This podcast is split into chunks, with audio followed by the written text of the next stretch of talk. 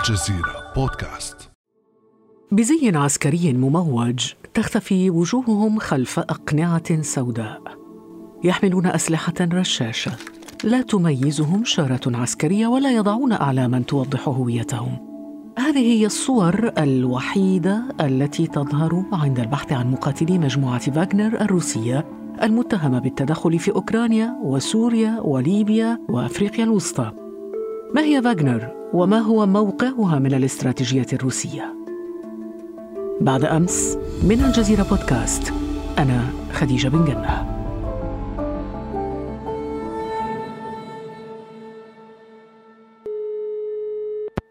نرحب بالزميل زاور شواج مدير مكتب الجزيرة في موسكو. أهلا بك زاور.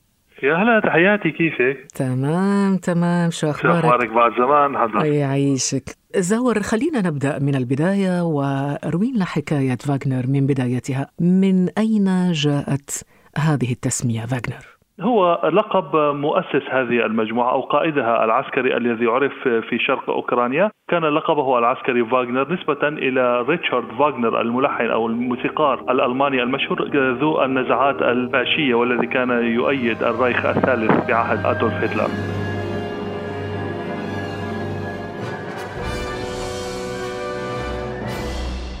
من يمول هذه المجموعة الغامضة في أصولها غامضة في ملاكها؟ من يقف وراءها ومن يمولها؟ نحن بحثنا كثيرا عن أصول هذه المجموعة فيما يتعلق بقانونيتها. هي غير موجودة نهائيا خديجة على الأراضي الروسية، قانونيا هي غير موجودة في أي مكان فعليا. ولكن يقال أنها تتبع ما يعرف بطباخ الرئيس وهو فلاديمير بريغوجين، هو شخصية مقربة من فلاديمير بوتين من الرئيس الروسي، كان مسؤولا عن خدمات تأمين الطعام للرئيس الروسي. ومن ثم أصبحت لديه أملاك كثيرة في قطاع العمار، في قطاع البناء وأيضا في شركات التكنولوجيا الرقمية، Crimea لديه شركة كبيرة في بطرسبورغ متهمة طبعا بشكل مباشر من الولايات المتحدة الأمريكية بالتدخل في الانتخابات الأمريكية الأخيرة. شركة فاغنر العسكرية الخاصة أنشئت فعليا أو ظهرت على الوجود في أوكرانيا. يعني علنا طباخ الرئيس هو ال نعم. هذا اللقب اللقب الذي يحمله بريغوجين طباخ الرئيس. بفيلم ال- طباخ الرئيس آه، بالضبط طيب زور ما الذي يربط فاغنر بالرئيس الروسي فلاديمير بوتين وبالمؤسسة العسكرية الروسية إذن؟ يربطها شيء وحيد هو فقط الادعاء بأن صاحب هذه الشركة هو طباخ الرئيس فلاديمير بريغوجين وهو شخصية مقربة منه فعليا، ولكن الجانب الرسمي الروسي يتبرأ تماما من هذه المؤسسة العسكرية الخاصة، يعتبر أنها غير موجودة فعليا، ولذلك إن صح التعبير نستطيع أن نقول أن روسيا تستخدم فعليا هذه المجموعة من أجل القيام بالأعمال القذرة التي لا تتحمل مسؤوليتها روسيا وبالتالي المرتزقة غير محميين بأي قوانين في العالم بما فيها القوانين الروسية. نعم زور ممكن أن نقول أنه فاغنر هي أكبر شركة مرتزقة آه، روسية أم هناك شركات أخرى مماثلة لفاغنر؟ حقيقة من خلال تحقيقاتنا لم نعثر على أي شركات أخرى شبيهة بفاغنر. هناك شركة وحيدة هي فاغنر. كانت هناك محاولة من بعض نواب البرلمان الروسي إلى تشريع قانون يعطي المجال لتسجيل هذه الشركات ولكن يبدو روسيا أو الكرملين ليس متعجلا بهذه القضية لأنها تسبب إشكالات آه، ربما لسمعته أكثر من أي شيء آخر. زور رغم أنك كما ذكرت أن هذه الشركة الأمنية فاغنر غير معترف بها قانونيا في روسيا إلا أنها تعد أداة مهمة من أدوات تنفيذ الاستراتيجية الروسية صحيح؟ صحيح تماما. خاصة الآن في أفريقيا بالدرجة الأولى هناك توسع روسي كبير في القارة الإفريقية. لدينا معلومات أكيدة بوجود مركز رئيسي لفاغنر في السودان. لديهم تواجد كبير في دارفور في أفريقيا الوسطى في زنجبار في مدغشقر وفي موزمبيق. لم ينم المراسل الحربي أورهان جمال ليلته وهو يحدق في سقف غرفته متحمسا لإنجاز تقريره عن أنشطة مجموعة فاغنر الروسية في إفريقيا الوسطى. في الصباح وصل أورهان رفقة زميليه ألكسندر وكيريل إلى وجهتهم جوا. بمجرد وصولهم طلب الصحفيون الدخول إلى مبنى عسكري غامض لكن طلبهم قوبل بالرفض. في اليوم التالي استقل الصحفيون السيارة وانطلقوا في أدغال سيبوت. فجأة وبينما كانت السيارة تعبر إحدى الغابات ظهر مسلحون من بين الأشجار وبدأوا في إطلاق النار باتجاه السيارة. قتل الصحفيون الثلاثة على الفور ونجا السابق.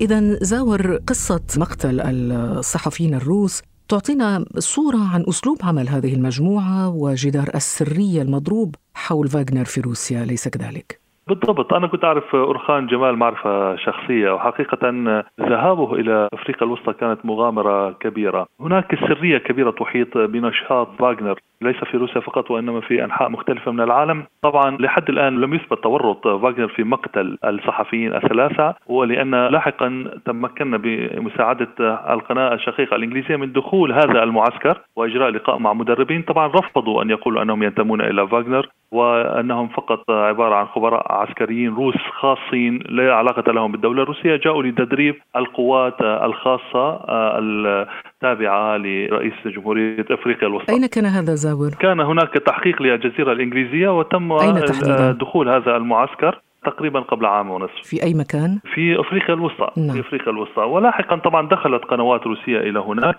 طبعا هذا لا ينفي أن فاغنر موجودة على الأرض ولكن المشكلة الأساسية تكمن بأن ليس بالسهولة إثبات انتماء هؤلاء الجنود إلى فاغنر أم لا. لا يوجد أي وثائق حول هذه المجموعة. طيب زاور زملائنا من الجزيرة الإنجليزية ذهبوا إلى وسط إفريقيا للاطلاع والتعرف على هذا النشاط الغامض لشركة فاغنر الأمنية هناك. لكن ما الذي تفعله هذه الشركة في أدغال إفريقيا برأيك؟ هنا يكمن السؤال الأهم. روسيا تتوسع في إفريقيا وأفريقيا منطقة مهمة جدا بالنسبة لروسيا. أهمية هذه المنطقة تكمن بأن هناك بعض المعادن التي تسمى التربة النادرة تحتاجها روسيا فيما يتعلق بإنتاج التكنولوجيات المتطورة والتي لم تعد متاحة لها بسبب العقوبات الغربية. إضافة إلى أن روسيا تنظر إلى أفريقيا على أنها سوق مهمة فيما يتعلق بالسلاح مجال متيح للاستثمارات إضافة إلى أنها تعمل على مبدأ إملاء الفراغ الذي يتركه الأمريكيون أو الأوروبيون في تلك المنطقة. وبالتالي هناك حاجة إلى أن تفتح روسيا قنوات مع مختلف القوى الموجودة في الدول أفريقيا وكما نعلم أفريقيا مليئة بالنزاعات مليئة بالحروب الأهلية وتقوم فاغنر بدور القذر تقوم بدعم هذا الطرف أو ذاك من أجل تقوية نفوذه ما يتيح لروسيا الدخول إلى تلك المنطقة كداعم سياسي واقتصادي لهذه الجهة أو تلك والتي تسهل لها سياستها. زاور أيضا في السودان وهي من البلاد العربية الإفريقية سجل نشاط لشركة فاغنر في حماية المناجم.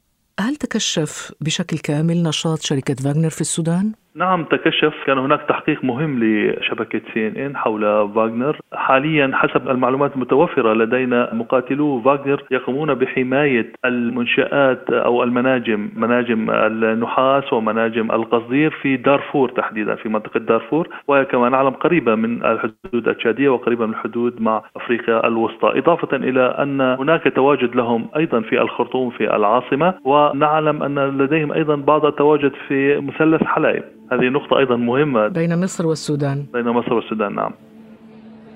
على مدخل قاعة اجتماعات ضخمة ظهر ببزته العسكرية وعلى كتفيه النياشين الصفراء.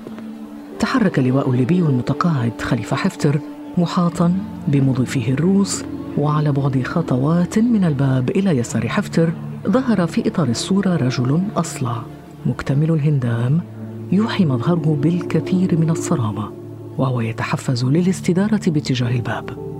التقطت هذه الصورة لمالك مجموعة فاغنر يفغيني بريكوجين أثناء زيارة لحفتر إلى موسكو أواخر العام 2018 وبعد هذا التاريخ ستتوالى الإعلانات عن اعتقال وقتل مرتزقة الروس يقاتلون إلى جانب قوات حفتر ضد قوات الحكومة الشرعية في ليبيا. إذا زاور في ليبيا وفي سوريا تمارس شركة فاغنر الأمنية دورا مختلفا. عن حماية المناجم كما ذكرنا في السودان فما الذي يعرف عن نشاط فاغنر في ليبيا وسوريا مثلا؟ في ليبيا طبعا هناك حسب المعلومات المتوفرة لدينا وتم تأكيدها من عدة مصادر قرابة 300 عنصر من مجموعة فاغنر يقاتلون الآن في صفوف قوات حفتر بعضهم قتل مؤخرا وحصلنا على بطاقات أو صور البطاقات البنكية حتى صور البطاقات الشخصية وتم الكشف عن هوياتهم. بعضهم كانوا ضباط رفيعو المستوى في ما يسمى المشاة البحرية الروسية. الآن هم خارج الخدمة. كل من يقاتل في ليبيا من واغنر هم خارج الخدمة العسكرية أي ليسوا ملتزمين الآن مع الجيش الروسي. وبالتالي هذا ما يعطي لروسيا نوعا ما من الأريحية في التعامل مع ملف واغنر بأنهم لا علاقة لهم رسميا مع روسيا. وبالتالي هم يلعبون دورا مهما وربما ساهموا في دعم قوات حفتر بشكل كبير في المعارك الأخيرة. زاور ربما من الصعب الاعتقاد بأن هذه الشركة شركة فاغنر تعمل بشكل منفصل تماما عن الحكومة الروسية لأن هناك تماهي خصوصا إذا تحدثنا عن ليبيا مثلا هناك تماهي كبير بين الخط السياسي للحكومة الروسية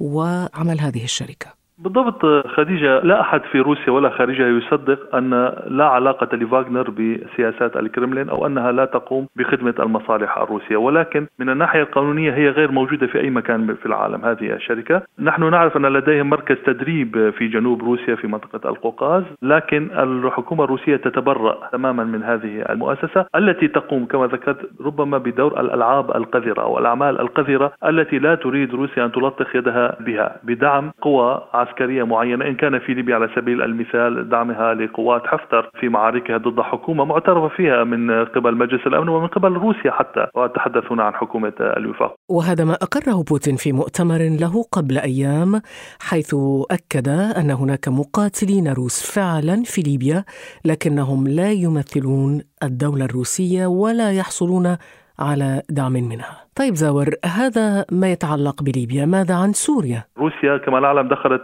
في العملية العسكرية في سوريا بغطاء جوي كانت لا تريد أن تنشر قوات عسكرية على الأرض ولكن كان هناك حاجة ملحة لدعم العمليات العسكرية على الأرض وبالتالي دفعت بقوات إن خسرتها لن تشكل لها أزمة داخل البلاد أو حتى خارج روسيا يعني هم مرتزقة إن قتلوا لا تحمل روسيا مسؤوليتهم. زاور عند بداية حديثنا ذكرت أن هذه المجموعة مرتبطة بالاستراتيجية الروسية بالمنطقة. وهذه الاستراتيجية كما نعرف مرتبطة أيضا ارتباطا كبيرا بالرئيس الحالي وبرؤيته.